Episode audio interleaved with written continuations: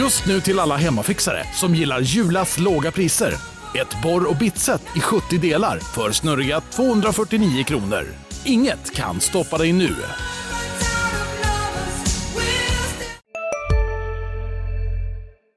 Välkomna till det 38 avsnittet av eh, Sportklubben, LT Sportens podcast om Hockeyallsvenskan och SSK. Ny vecka och ny podd. Vi ska summera februari, Pelle Hånbergs tio första matcher. Eh, vi ska titta på den eh, kritiska veckan mot Vita Hästen eh, som just har passerat, eller mot Vita Hästen, med, med tre matcher mot Vita Hästen. Och jag heter Jakob Sjölin och för att göra detta har jag med mig Viktor Jansson och Johan Myrberg. De kommer alldeles strax.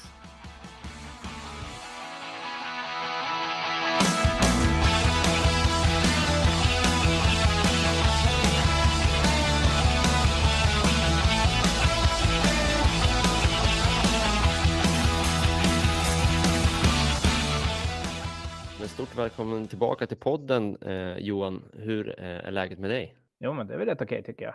Trots allt som händer i omvärlden så eh, känns det ändå fint att få sitta här med er. Det får man ju verkligen säga att eh, den senaste veckans eh, nyhetshändelser i Ukraina har ju satt allt i perspektiv på något sätt. Det blir ännu tydligare att det är ändå en tillflyktsort och en distraktion på något vänster med idrott, även om det ger oss väldigt mycket också. Precis så är det och fick ju gå på match igår och möjlighet att träffa, träffa lite vänner. Sånt är, är ju viktigt även i de här tiderna. Så att det, nej, men det, det ska bli kul att, att få prata hockey. Hur är det med Viktor? Ja, hej. Jo, det, det är bra med mig också. Som sagt var, det har varit en händelserik vecka på många sätt, både i SSK, land och i världen i stort. Mm. Ja, vi ska försöka hålla oss till, eh, till hockeyn här, om vi kanske eh, blir svårt att hålla isär världarna helt och hållet. Men eh, vi börjar med eh, de tre matcher vi har sett. Det här var ju en, eh, en vecka som vi ringade in eh, redan för en månad sedan när vi pratade senast, eh, att den skulle kunna bli väldigt avgörande för chanserna att undvika ett kvalspel. Nu fick man med sig tre poäng av nio möjliga och det lämnade väl en, en viss ja, men, ska man säga, besvikelse efter sig ur, ur ett SSK-perspektiv, både med resultaten och kanske framför allt hur spelet såg ut i de två första matcherna. Ja, det var inte jättebra på söndagen heller. Vad är era reflektioner från veckan? Om vi börjar med dig Johan. Eh, nej, men jag är förvånad egentligen över hur illa eh, Vita Hästen passade oss i de här tre matcherna. Eh, även om det blev tre poäng så tror jag att man får lägga ganska mycket på gårdagens match på flytkontot. Och man ska ju ha flyt också, men, men liksom, det var ganska uppenbart att den här liksom, taktiken att ställa fem, fem spelare i slottet som en, som, som en köttmur, det passade väldigt illa mot just Vita Hästen. De klarade av att dyrka upp det där ganska förvånande enkelt. Mm. Jag tycker deras spel påminner lite om Amodos i vissa sekvenser i hur pass rörliga och tekniska de var i anfallszon. Framförallt har de ju två femmer som är riktigt spetsiga eh, nu efter de har värvat in eh, Meja från eh, KL. Eh, Marenis och Eriksson, de spridde ut de där spelarna också, så det var inte så lätt för, för Hånberg att matcha Aronssons kedja då, då mot toppfemman i Vita Hästen. Det var ganska smart drag av Tony Sabel eh, inför första matchen. Han gjorde ju om sina kedjor inför tisdagen och splittade på Eriksson och Marenis som hade spelat tillsammans en del innan. Jag poddade ju med, med Kenny Wies från Norrköpings Tidningar som, som var inne på att det kanske kunde bli förändringar och det såg vi också. Eh, och Hånberg har ju gillat att, att ha liksom en checkingkedja som hela tiden går mot de bästa spelarna. Det gick inte nu på samma sätt. Det var smart drag. Jag fastnade också för powerplay, hur mycket bättre Vita Hästen var där. Egentligen både första och andra matchen känns det som att man avgör lite i, i den spelformen. Ja, de är vassa där. Eh, Eriksson, är han bäst i serien på att stå felvinklad och styra ett powerplay. Att du kan ha gjort det i många säsonger och alltid ja. gjort det ruskigt bra. Ja, faktiskt otroligt hur skicklig han är på att hela tiden känna av när det är dags att liksom vända ifrån och skapa sig mer tid och så. Väldigt svårt att klara av att spela med klubban och utåt och göra mm. det effektivt. Men det har blivit lite av hans grej. Han har gjort det faktiskt i flera säsonger. Mm. Hur har du sett på de här matcherna, Viktor? Eh, nej, men jag håller med vad ni säger. Jag tycker hästen var bättre än SSK spelmässigt eh, och fick ju med sig fler poäng också. Marenis och Eriksson och även tredje kedjan med Corey Mackin och Ilestedt tycker jag också är riktigt bra. SSK lyckades inte stå emot helt enkelt riktigt. Nej, det blev ju så, eh, framförallt i de två första matcherna. Den tredje var väl eh, jämndålig tycker jag. Ja, Ehm, i, igår var inte hästen De hade inte alls samma energinivå Nej. eh, och, och tempo i sitt spel och, och det gjorde det lite lättare för, för SSK att faktiskt komma åt dem med, med mer fysiskt spel. Det var väl så som de byten man såg att SSK fick lite Eh, grepp om pucken. Då handlade det ofta om att man lyfte ner och, och använde sin tyngd mot, eh, mot Vita Hästens backar. Men så mycket kontringsspel såg man inte. Där gjorde de det smart och tog inte så mycket skott i benskydd och de eh, vann inte. Jag pratade med Hjelm efteråt och han menar att man försöker vinna puckar runt linjerna innan egentligen de kommer in i zon. Det lyckas man inte med och då får man inte samma omställningslägen. Han menar också på att det är lättare att spela mot ett lag som forecheckar för då kan man lyckas vända och få liksom ytor om man spelar förbi forechecken. Men Vita Hästen spelar precis som SSK styrspel och bjuder på ganska lite där. Mm. Eh, Så det försvinner en hel del lägen för Södertälje att få sina spelvändningar. Och sen verkar det inte som att man har något direkt, eh, kan inte riktigt slå om från det här passiva positionsspelet till att gå ut och vinna en puck när den blir lös eller när man får ett läge på någon som inte är lika snabb eller stark med pucken till exempel. Men jag tycker ändå att man har gjort det bättre mot andra motstånd. Eh, Jag tycker att det var extremt svårt mot hästen och det var Mm. lite som att deras spelare mådde ganska bra i den här eh, passiva. De hade liksom ett annat tålamod på något vis än vad man har sett en del topplag som det slutar med att de skjuter något skott långt utifrån i, som går rakt in i köttmuren och sen eh, tappar de fyra gubbar och så kan man vända en två mot etta. Det, det känns som eh, hästen hade inte riktigt det där eh, Sen, sen tror jag man, man får också väga in att både första och andra matchen har vi ju liksom en centerbrist som heter duga och även om Marcin nu var, var tillbaks till match två så tror jag att han, han liksom han matchades, eh, känslan är ju att han matchades mer försiktigt och själv var mer försiktig än vad han var nu här i sista matchen. Att det ser, såg ut som det gjorde lite också, jag har en känsla av att vi spelade ju egentligen utan naturliga centrar i, i line 1 och 2 liksom. Mm. Ja, skadeläget var ju rätt prekärt inför den här veckan och egentligen redan inför Västeråsmatchen eh, i Mm. lördags när både Marcinio och Felix Olsson går sönder på träning inför eh, säsongens hittills då viktigaste vecka. Det där är ju Ja. rätt bekymmersamt. Nu Bara ju- dagar efter transferstopp också. Ja, precis. När man inte lyckades få in någon center som det man letar efter, då går två centra sönder. Det är ju på sätt och vis maximalt oflyt för Södertälje. Sen testar man eh, Umicevic som center och nu skadade han sig i match två mot Vita Hästen. Och där är väl frågan om han spelar mer. Vi vet väldigt lite om den skadan än så länge. Det var ju tydligt att det var ett eh, knä som fick en, en smäll, en spelare över, över honom. Och eh, någon form av vridning är väl det bästa man kan hoppas på där. Ja, och tystnaden är väl att det, det är väl i, kanske inte i favör om man tror att han ska vara tillbaka. Nej, precis. Det lilla jag har hört att det kanske svullnat upp lite mer eh, dagarna efter där. Så att oftast brukar man ju behöva vänta tills det lägger sig innan man kan verkligen undersöka vad, hur, hur det är med knät. Eh, så det kanske kommer besked den här veckan. Eh, men det är ytterligare en spetsspelare som, som man tappar, eller en tänkt spetsspelare som inte kan vara med och bidra nu när, när säsongen drar ihop sig. Och Greg Squire, sen vi pratade, har ju också lämnat laget. Återigen en, en missräkning på de ledande positionerna. Squires var kanske inte så bra som man hade hoppats, men alltså jag tyckte han gjorde många saker bra. Han var ju snabb och duktig att hålla i pucken och transportera pucken, men kanske inte var så spetsig i när det väl bankades målchanser, varken att spela fram till andra eller förvalta dem själv. Men det är klart att han, han hade behövts, det kan vi säga. Fall. precis. Och det i sig är ju också ett misslyckande, för han var ju värvad för att spetsa till laget. Det var ju därför man plockade in honom. Och det är återigen en i raden av- ledande spelare som inte riktigt tar rollen som de är tänkta att ta eller klarar av att färga på så mycket som SSK hade behövt den här säsongen. Brett Pollock leder ju fortfarande poängligan till exempel. Det är helt orimligt. Han har rätt bra chanser att vinna det, för Wilman Borvik har blivit iskall på slutet. Får man något pris om man vinner den interna poängligan? Det var ju ganska hånfullt och Postades i Tyskland. Skicka ner någon kringla eller någonting.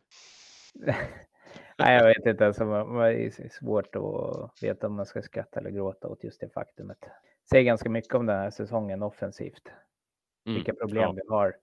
Och kanske inte egentligen för att vi spelare för spelare inte skulle kunna klara av och liksom, utan mer, det är mer att liksom saker och ting passar inte ihop. Nej, nej Det är, det är som att försöka lägga ett pussel med hundra bitar som är omaka.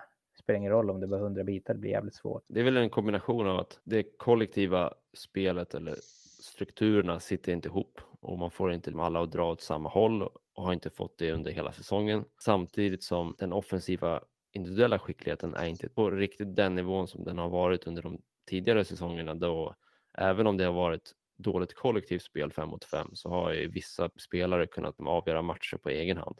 Och det fungerar inte heller. Så det här är, känns som en trupp som skulle behöva ett kollektivt spel som fungerar i större utsträckning. För att 1 plus 1 ska bli 3 istället för ett och ett halvt som det blir nu. Mm. Sen tror jag, eh, man, man ska inte underskatta det mentala i, i sådana situationer. När man börjar en säsong som vi börjar och liksom så har det fortsatt under hela tiden och bara det faktumet att att det har varit så en hel säsong gör ju att alla blir 10 till 20 procent sämre än vad de egentligen är. Så att jag tror ju att eh, det, det mentala spelar också väldigt mycket in. Eh, jag tror att samtliga de här spelarna har betydligt högre högsta nivå än vad som visas. Det blir ju en, eh, en negativ effekt på allt när det går som det går. SSK var ju ute efter centrar eh, på deadline. Man gjorde försök, eh, vad jag förstått, så fick man nej tack från alla. Det var ingen som var som SSK ville ha som var särskilt sugen på att spela i Södertälje. Eh, hur ser ni på att det inte blev några, några förstärkningar av truppen mot slutet? Det hade ju behövts, det ser man ju i de här senaste matcherna. Men eh, alltså, som, som, du säger, SSK de försökte ju, det vet jag, och eh, de ville ha in. Sen kan man ju kanske argumentera på att de försökte på fel spelare då som uppenbarligen inte ville komma hit. Det kanske fanns andra. Hästen lyckades ju plocka in två spelare och de är ju i en liknande situation. Mm. Det är olyckligt, men det, jag vet inte. Man hade kanske lyckats också om man hade fått centerskadorna en vecka innan så hade man kanske haft en ännu mm. högre desperation att plocka in någonting som kanske också var av mer breddkaraktär, eh, tänker jag. Det är ju rimligt att tro att man kanske satsade på en viss typ av kort för att verkligen stärka laget utifrån den situation man, man såg framför sig. Det är nog ganska sannolikt att det var så, ja.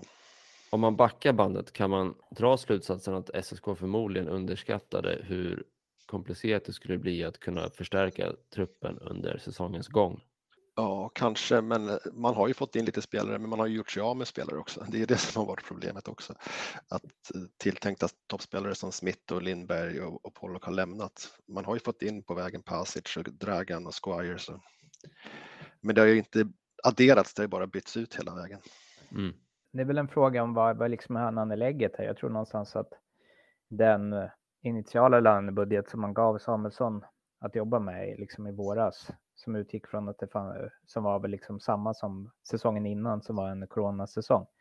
Samtidigt som många konkurrenter eh, ökade sina budgetar, vilket ju då förstås drev upp priset på spelare, vilket då förstås gjorde att trots att samma hade lika mycket pengar att röra sig med som säsongen innan så jag tror det var där det liksom initiala misstaget begicks eh, som gjorde att man satte sig i en otroligt svår situation som sen vart nästan omöjlig att reparera.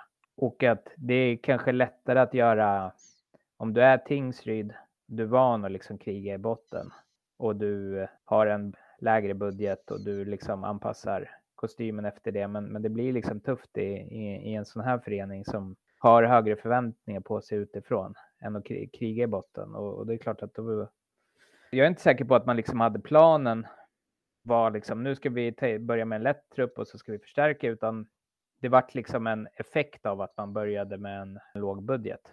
Man var nog lite för försiktig helt enkelt. Sen visar det sig också att eh, det kan vara komplicerat att göra klart med nya spelare. Den eh, gångna veckan så eh, uppenbarade sig en liten härva kan vi säga i eh, Västerås. Eh, så när man värvade två KL-ryssar så spelade man dem i två matcher mot Västervik och Södertälje utan att ha klart arbetstillstånd. När vi spelar in det här på måndag så kan det komma ett besked om hur förbundet och tävlingsnämnden bedömer frågan. Men jag tänker att vi kan beröra det i alla fall. Det kan ju bli så att Södertälje får två poäng extra om man då tilldöms segern på VO och 5-0. Dessutom blir det då 6 plus mål om man jämför med den eh, uddamålsförlusten som man åkte på. Om vi bara börjar med hur reagerar ni på att det faktiskt blir så här att en professionell klubb som Västerås gör en sån här pappersmiss? Det är så otroligt klantigt så man vet inte ens var man ska börja. Man behövde ju googla ungefär 15 minuter för att fatta att det där var fel. Det går inte riktigt att förstå. Det gör inte det. Alltså det känns naivt och oproffsigt. Det som Västerås hävdade då alltså att ryssarna har spelat på ett KL-visum som har gällt för att de ryska lagen ska kunna spela i Lettland mot Dinamo Riga eh, eh, och i Finland mot Jokerit. Men det står ju uttalat i tävlingsbestämmelserna att det är ett arbetstillstånd man behöver och inte ett EU-visum. Eh, det här visumet ska då fungera för till exempel artister som kommer till Sverige och eh, har en show eller om det kommer hit ryska hockeyspelare och spelar i, eh, ja, vad nu de här kupperna heter som man har under, jag glömmer alltid bort företagsnamnet, så ni förstår vad jag menar. Landslagsturneringarna. Sweden Hockey Games. Ja, ja, eller om du ska på en världscupturnering i skid eller världscuptävling i skidskytte. Liksom. Då, ska man kunna, då ska man kunna jobba i Sverige. Eh, men då är du ju liksom inte anställd av ett svenskt företag och det är en ganska stor skillnad, utan du är ju här och jobbar, jobbar på kort sikt. Eh, du har inte skrivit anställningsföretag med ett svenskt, svenskt bolag och det har man ju gjort här. Så det är ju liksom reglerna är ju är ju, är ju ganska självklara och tydliga om, om man liksom lägger lite tid på att googla. Men sen är det ju alltid så här att om man då ringer och frågar någon som inte riktigt förstår så kommer man ju få ett svar. Du, du, du kan ju ibland få ett svar som inte stämmer. Ja, som jag läser den här situationen så har Västerås hört av sig till förbund och till Migrationsverket och sagt okej, okay, men det här finns, kan det funka? Och så har någon sagt ja, men det kan det nog. Och då har man fått det svar man vill ha och så har man gått vidare med det mm. och inte tänkt mer på saken. Men att man från Västerås del inte hajar till när Migrationsverket gör bedömningen att Hockeyallsvenskan är en internationell liga. Då börjar jag i alla fall undra om man inte behöver vara lite mer källkritisk från, från Västerås del. Man kan, för... ju, man, man, kan ju också gå in och läsa till exempel Svenska fotbollsförbundet har ju motsvarande dokument för, för fotbollen. Där, är ganska, där står det supertydligt att, att eh, eh fotbollsallsvenskan är en nationell liga och att man behöver arbetstillstånd. Så varför skulle det vara annorlunda i Hockeyallsvenskan? Liksom? Ja, jag kan inte komma på ett enda argument till att Hockeyallsvenskan är en internationell liga. Det räcker liksom inte med att ha utländska spelare i ligan. Nej. Det, det gör inte det på nå någonstans. Vadå, är division 2 i södra Svealand i fotboll också en internationell liga för att man har några afrikanska spelare i vissa klubbar? Det går inte. Mm. Nej, det är, en, eh, det, är en, det är en orimlig slutsats som kom fram till. Och sen det som jag tycker är lite du kan alltid diskutera huruvida, du, du vet, vann Västerås den här matchen rättvis? Hade ryska spelarna så pass stort inflytande på matchresultatet och så vidare?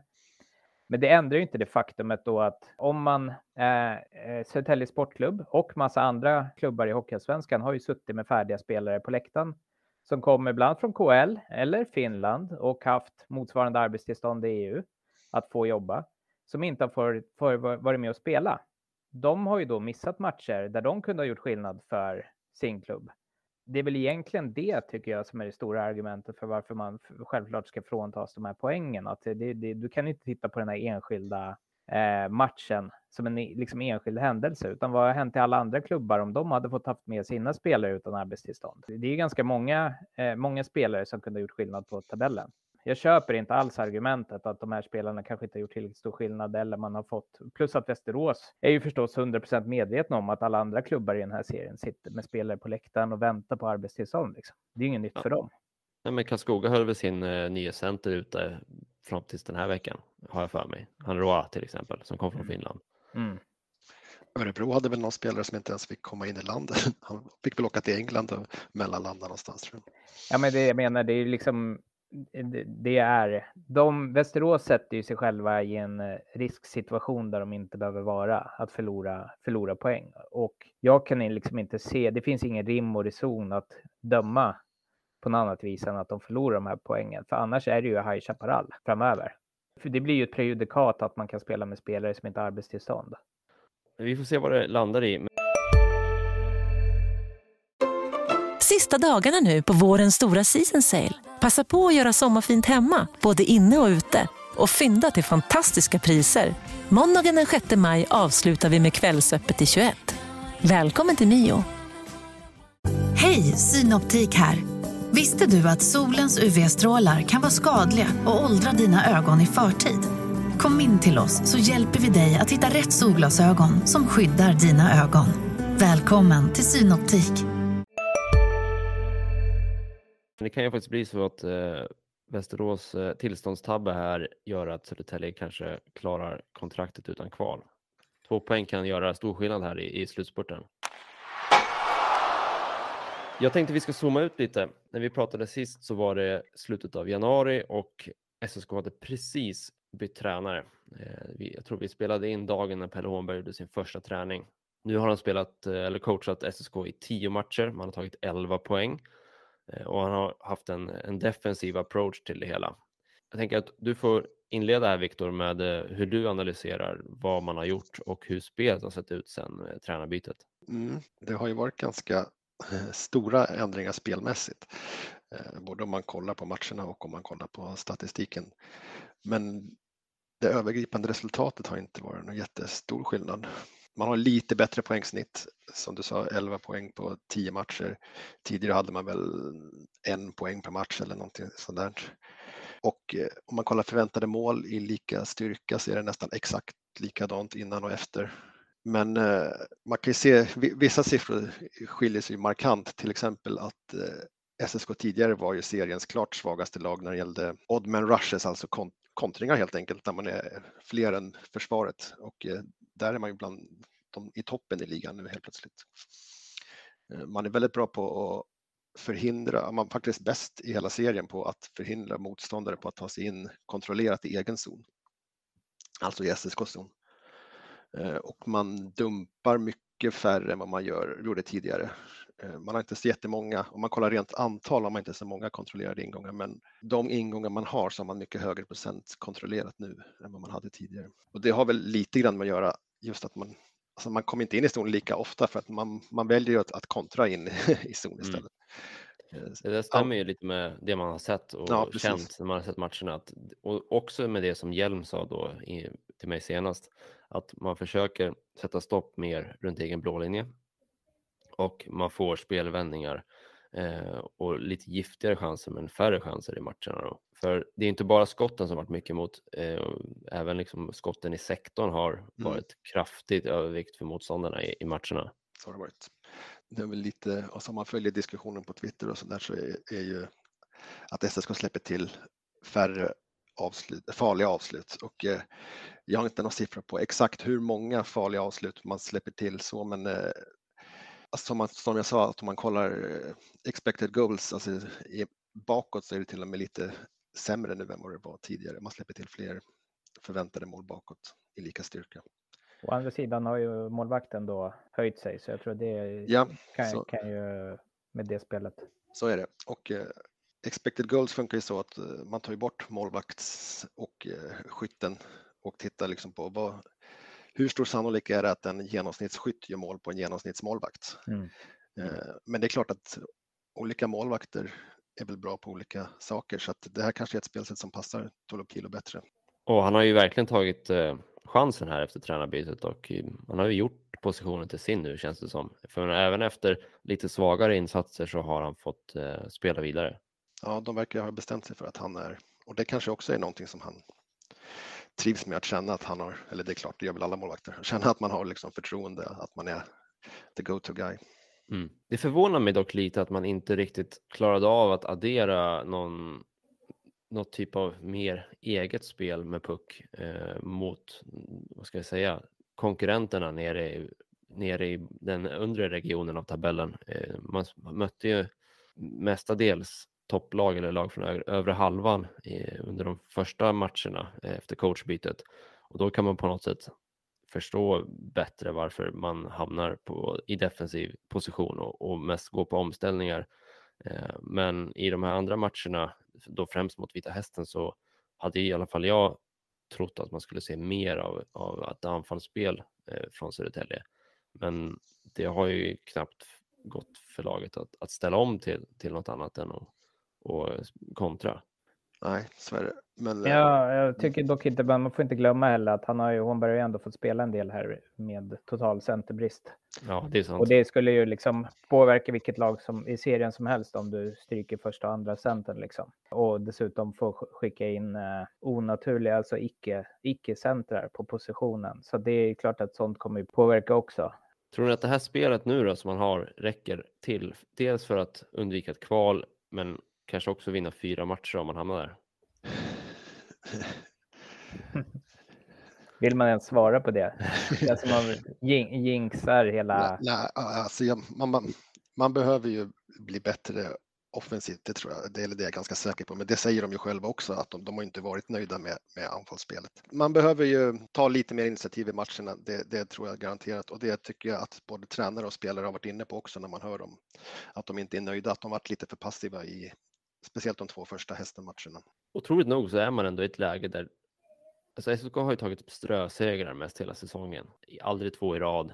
Men när Almtuna har kollapsat senaste fem sex omgångarna, också bytt tränare, så har man ju hamnat i ett läge där det kan räcka med två, tre strösegrar till på avslutningen här. Man behöver kanske inte ens sätta ihop två segrar i rad för att faktiskt lösa, vad blir det, tolfte platsen? Det är på något sätt så att SSK får livlina på livlina känns det som den här säsongen. Eh, och man hade haft, gärna haft bättre förutsättningar men på något sätt så känns det ändå som att förutsättningarna är ganska goda för att klara sig undan kval. Man har dubbelmöte mot Kristianstad här närmast och det är ju seriens klart formsvagaste lag. De har bara tagit 0,6 poäng på de senaste, per match de senaste tio matcherna mm. och inte, spelar inte alls som de gjorde i början av säsongen. Det jag skulle vilja säga med Kristianstad bara som jag tror och det har jag ju varit inne på när vi har diskuterat tidigare som är väldigt avgörande där. Det är ju vem de har i målet.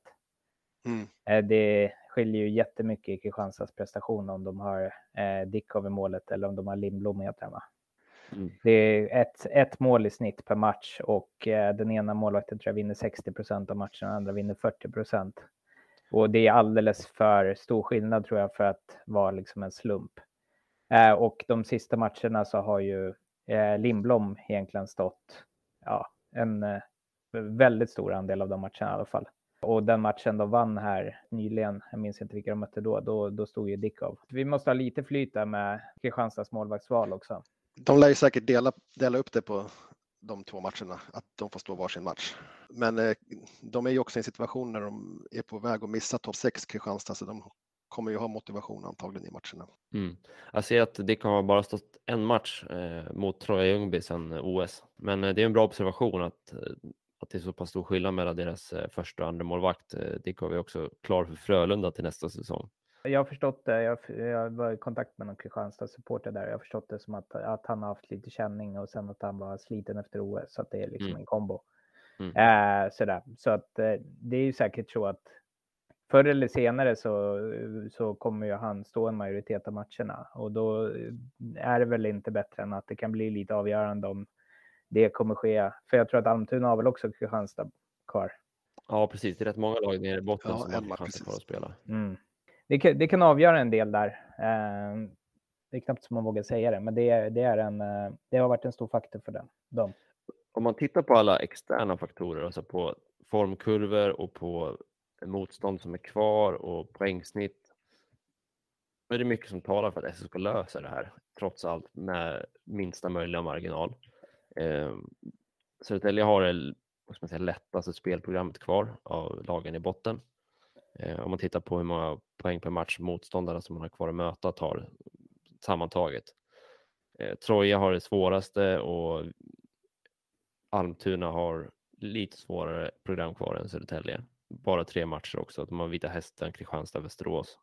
Sen är det när man börjar titta på hur det ser ut på isen och särskilt efter den här veckan då mot Vita Hästen gånger tre så man börjar fundera på hur SSK ska krångla sig till eh, de egna poängen som man faktiskt måste ta. Det krävdes ett boxplaymål och, och två studspuckar för att det skulle bli en trepoängare igår.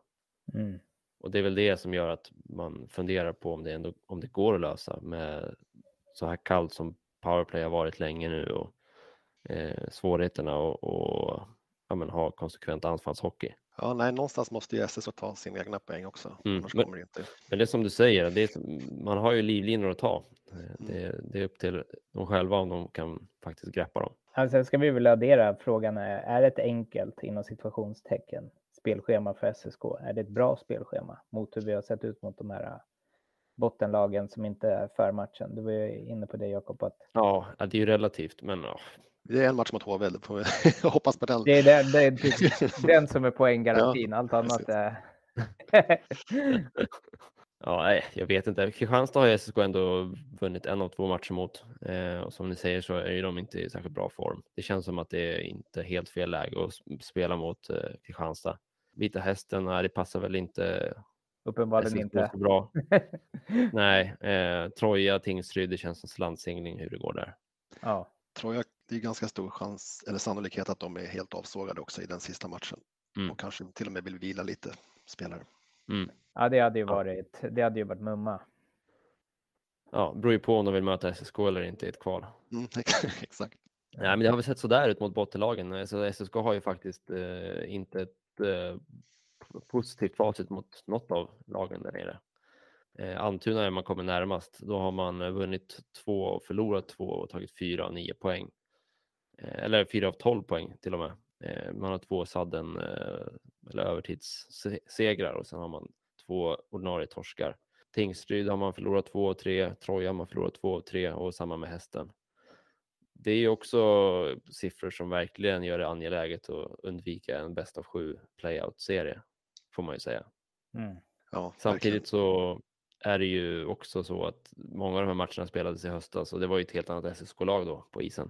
På Ja, jag vet inte om det är, det är fördel eller nackdel riktigt. Men, eh, nej, men, så, men det, och det hänger väl just att SSK inte har haft lika bra resultat mot eh, lagen på nedre halvan jämfört med förra året till exempel när man var helt, eh, man var ju överlägsen mot de lagen. Man tog Mm. ju poäng som ett topplag mot bottenlagen om vi säger så. SSK har inte samma struktur på truppen i år med spetsspelare som vi hade förra året med Blomstrand, Olesen och Lindbäck som kunde, alltså som avgjorde sådana matcher mot ett sämre lag. Eh, Mm. De spelarna finns inte riktigt i årets SSK-trupp. Ja, det blir en bra krok till, till sista delen här. eh, Spetsspelare. Sist, nästa gång vi poddar så då vet vi faktiskt hur det gick. Antingen så pratar vi om hur man bygger om det här laget inför nästa säsong i Hockeyallsvenskan. Eller så pratar vi om Hockeyettan. Eh, deppigt nog. Så det jag tänker fråga er som vi går ut på är eh, vilka ser ni som de tänkbara matchvinnarna som man kommer behöva vända sig till? Dels för att undvika kvalet här, men också för att vinna eventuella kvalmatcher. Nu har vi alltså Felix Olsson förmodligen borta för säsongen och stora frågetecken för Dragan Umisevic medverkan framöver här. Eh, vilka är det som ska vinna matcher åt SSK? Eh, Nikola Pasic var bra i, i söndagens match tycker jag. Han visar att han har offensiv, han har offensiv spets i sig. Sjöberg också. Det finns väl kanske lite frågetecken bakåt för båda de två spelarna, men de har ju offensiv uppsida. Vilman Borvik, som du pratar om, är lite kallare nu, men har ju visat tidigare under säsongen att han vet vart målet finns. William Haag har också gått ner sig lite grann, kanske sista tiden, men var ju jättebra i januari. Det är väl de fyra spelarna framför allt. Både Haag och Borvik känns ju väldigt streaky.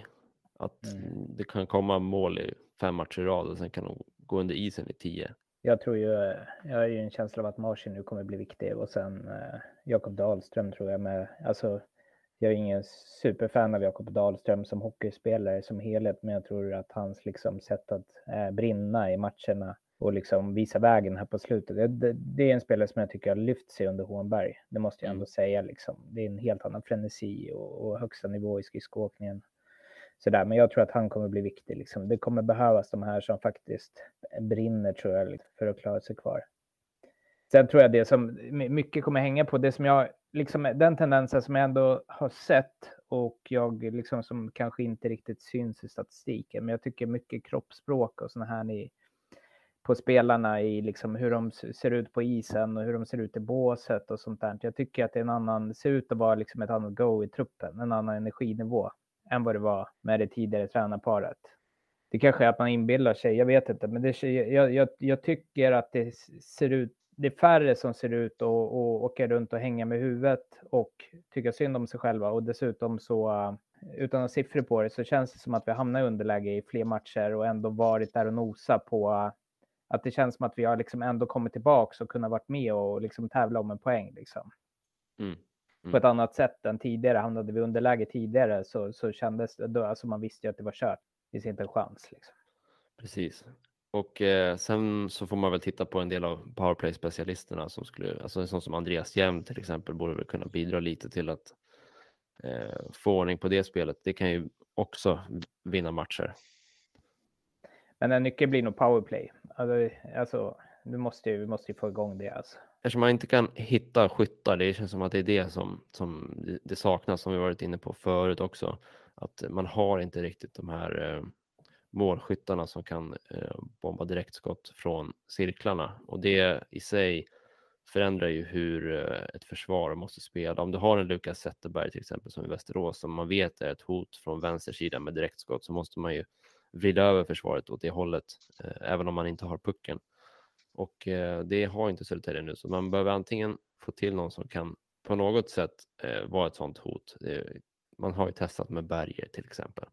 Men han är inte å andra sidan en playmaker i cirkeln så då får man kanske bygga på andra sidan. Eller så får man hitta ett sätt att spela som bygger mer på kanske spel nerifrån eller med mycket rörelse. Något måste man i alla fall göra eh, för mm. att både komma in enklare i zon och ha ett mera kreativt spel där nere. De flyttade Dragan från cirkeln ner lite mer bakom mål och eh, Olsson var också nere och hjälpte till att stötta där några matcher. Och nu är de det såg lite intressant ut innan han skadade sig ändå. Mm, mm. Exakt, båda ja. de två gjort den. Jag skulle kunna tänka mig Passage i någon liknande roll. Eh, då kan man faktiskt ha Writer även i högra cirkeln eh, om man styr nerifrån, lite som Weigel gjorde när han var i SSK. Eh, mm. För är det något som man märker med Passage att han, när han får pucken till höger så är det bara för att leta passning. Möjligt att han ska vara bakom förlängda istället då. Men det där med powerplay är kanske någonting man, man borde överväga att se om man kan ta in extern hjälp för. Att liksom sätta upp ett powerplay utifrån våra förutsättningar om man inte liksom om man inte lyckas själva. Eftersom det kommer vara en sån prekär del huruvida man ska hålla sig kvar eller inte. Liksom. Du, behöver inte ja. ta in en, du behöver inte ta in någon som ska liksom stå på bänken. Du behöver inte ta in uh, ytterligare en NAS-coach, men att liksom ta in hjälp utifrån. Det finns ju andra klubbar som har gjort liknande saker när man har haft problem med powerplay, att plocka, plocka, in, plocka in folk som jobbar bara med den frågan. Liksom. Vi, vi pratar ändå om kanske det som kommer att avgöra huruvida vi klarar den här serien eller inte. Mm. Ja, precis. Nu är det alltså två veckor kvar av grundserien, eh, lite drygt. 16 mars spelar SSK sista matchen och om det blir ett kval så inleds det den 19 mars.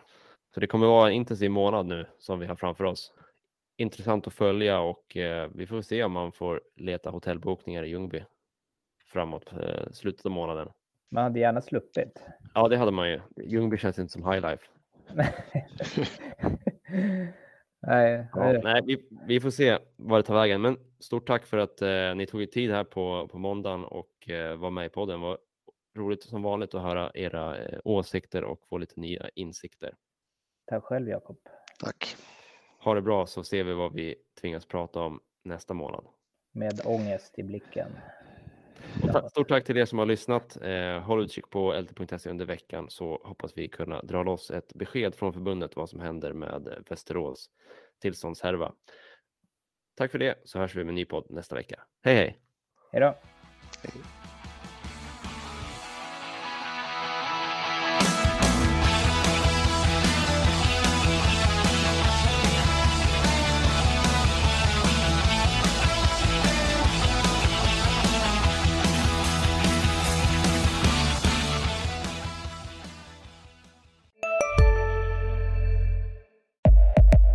Upptäck hyllade XPeng G9 och P7 hos Bilia. Våra produktspecialister hjälper dig att hitta rätt modell för just dig. Boka din provkörning på bilia.se xpeng redan idag. Välkommen till Bilia, din specialist på XPeng. Välkommen till Unionen. Hej! Eh, jo, jag ska ha lönesamtal och undrar om potten. Ja, om jag kan räkna med övertidsersättning för det är så stressigt på kontoret jag jobbar hemma på kvällarna så kan jag då be om större skärm från chefen för annars kanske jag säger upp mig själv. Och hur lång uppsägningstid har jag då? Okej, eh, vi börjar med lön. Jobbigt på jobbet. Som medlem i Unionen kan du alltid prata med våra rådgivare.